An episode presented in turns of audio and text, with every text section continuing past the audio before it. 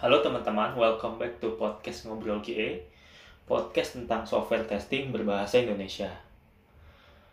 Pada episode sebelumnya kita sudah ngobrol Mana sih yang lebih baik, manual atau automation. Nah, pada kesempatan kali ini kita mau sedikit mengarah ke substansial nih Dari software testing itu sendiri. Baik itu nantinya dieksekusi secara manual maupun automated Kita akan membahas tipe-tipe testing berdasarkan standar internasional atau International Software Test Qualification Board atau biasa disingkat ISTQB. Nah, tipe testing ini dibagi berdasarkan karakteristik dan juga berdasarkan objektif dari tes yang dilakukan. Nah, ada empat tipe testing menurut ISTQB, yakni satu functional testing, yang kedua non-functional testing, yang ketiga, structural based testing atau biasa disebutnya white box testing. Dan yang keempat ada change related test atau testing yang berkaitan dengan perubahan sebuah software. Nah, kita mulai saja ya langsung di functional testing. Oke, okay, functional testing adalah satu tipe testing yang paling banyak dilakukan sama teman-teman software tester nih ya. Pada functional testing ini menitik beratkan pada completeness atau kelengkapan, correctness atau kebenaran, dan juga appropriateness atau kelayakan dari sebuah software. Nah, maksud utama dari functional testing ini adalah untuk mengevaluasi fungsi dari sebuah software sehingga sesuai dengan tujuan kenapa sih software itu dibuat. Nah, salah satu poin penting yang harus dipersiapkan sebelum melakukan functional testing adalah mengetahui produk yang dibuat secara lengkap. Biasanya kita harus memahami dulu produk requirement-nya, fungsi-fungsinya apa saja. Dan sudah paham betul juga terkait bisnis part yang terkait dengan software. Atau pada level fungsinya misal, misalnya uh, sebuah software tersebut uh, bekerjanya seperti apa, flow-nya seperti apa. Sehingga titik berat dari fungsional testing bisa dicapai, yakni softwarenya layak, softwarenya sudah diuji secara lengkap dan softwarenya sudah benar sesuai dengan requirement. Oke, contoh functional testing ini adalah acceptance testing dan system testing. Atau kalau mau contoh gampangnya adalah misalnya teman-teman yang manual testing melakukan UI testing atau menguji sebuah fungsi dari UI user interface. Itu kan bisa dilakukan secara manual maupun automated. Nah, ini adalah functional testing. Nah, yang kedua adalah non-functional testing. Nah, tidak kalah pentingnya dari functional testing, non-functional testing itu adalah tipe testing yang biasanya berfokus pada usability, performance, efisiensi, dan security, dan yang lain-lain yang tipenya non-functional.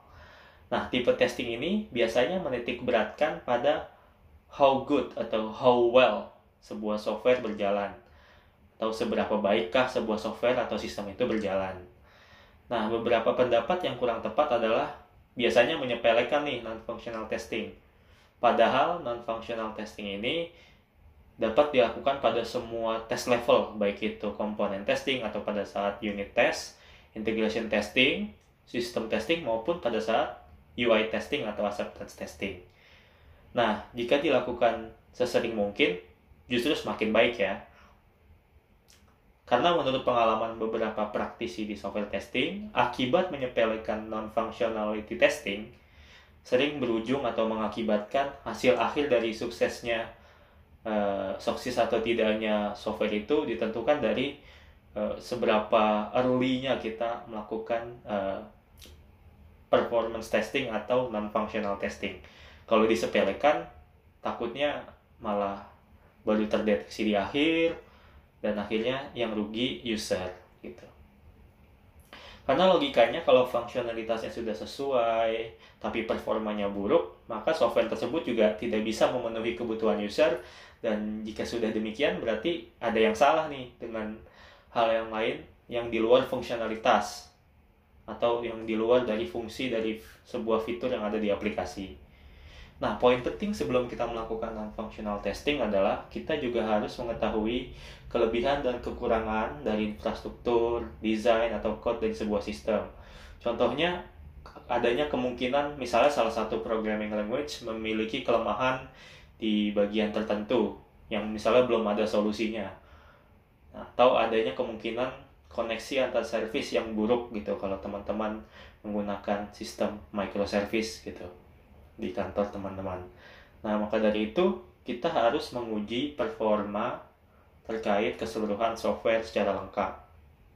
Nah, ini contohnya biasanya melakukan stress test, load test, dan lain-lain yang tipenya non-fungsional. Oke, itu nomor dua. Yang nomor tiga kita lanjut adalah structural based testing atau biasanya disebut white box testing. Sebuah aplikasi pasti memiliki struktur ya, yang biasanya terdiri misalnya ada code-nya, ada desain dari arsitekturnya itu sendiri, ada workflow, uh, ada flow dari sebuah datanya, atau uh, tipe-tipe yang misalnya sangat low level. Nah, white box testing ini juga bersifat low level ya, di mana biasanya menitik beratkan pada pengujian yang levelnya ada di code base atau di struktur kode atau di desain dari arsitektural.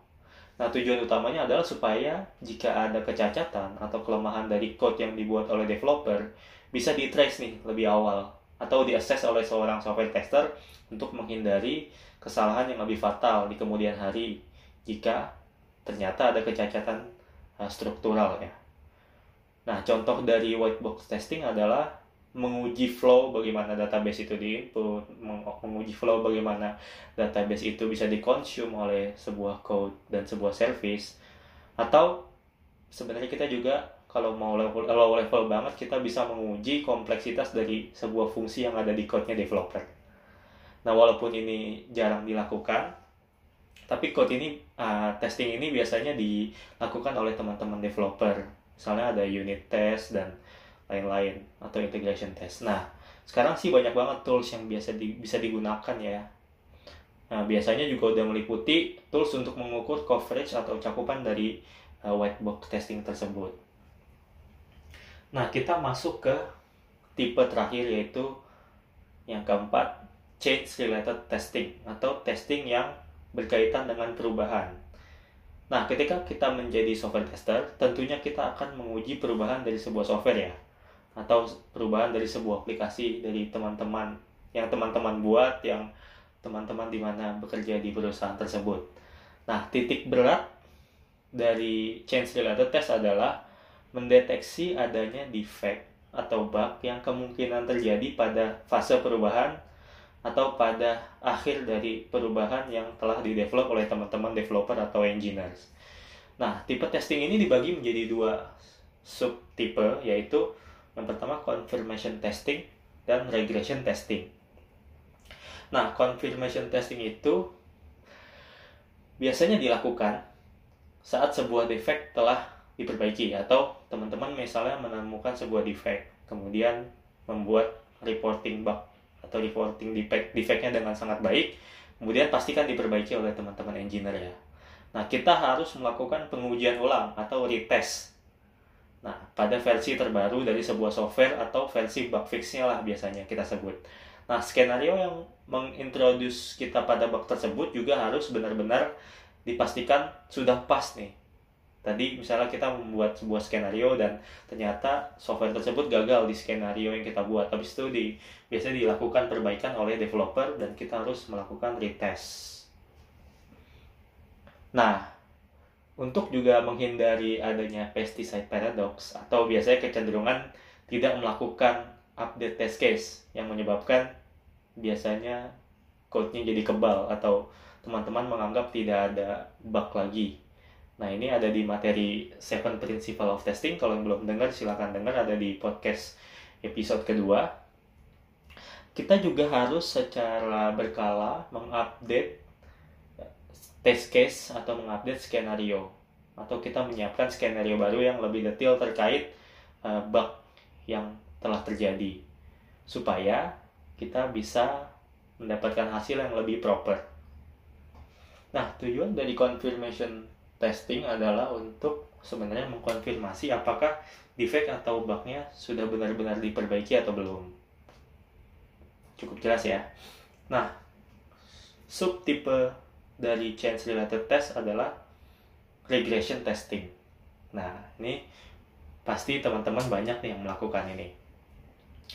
Ketika ada perubahan atau bug fix, selain kita sebagai software tester harus mengkonfirmasi apakah bug tersebut sudah benar-benar diperbaiki, kita juga harus menguji nih apakah perubahan yang telah dilakukan oleh teman-teman developer dalam rangka bug fixing itu tidak menyenggol atau tidak mempengaruhi fungsi-fungsi yang lainnya yang tadinya sudah aman atau sudah pas secara skenario testing kita.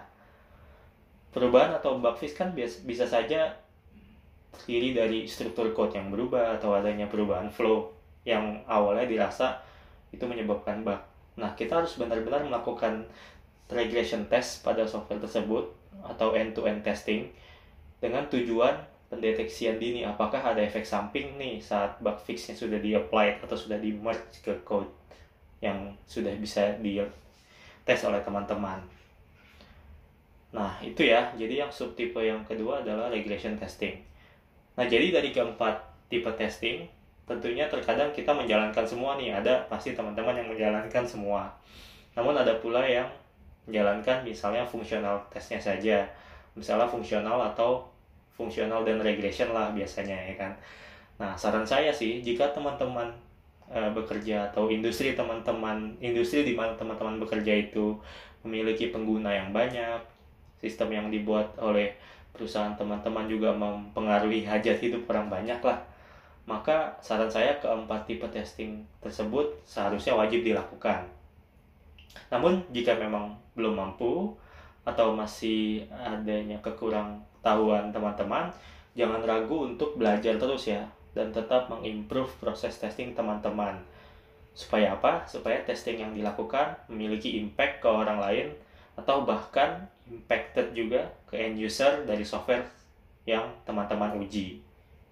Oke, sekian dulu ya podcast kita kali ini, episode ke-6.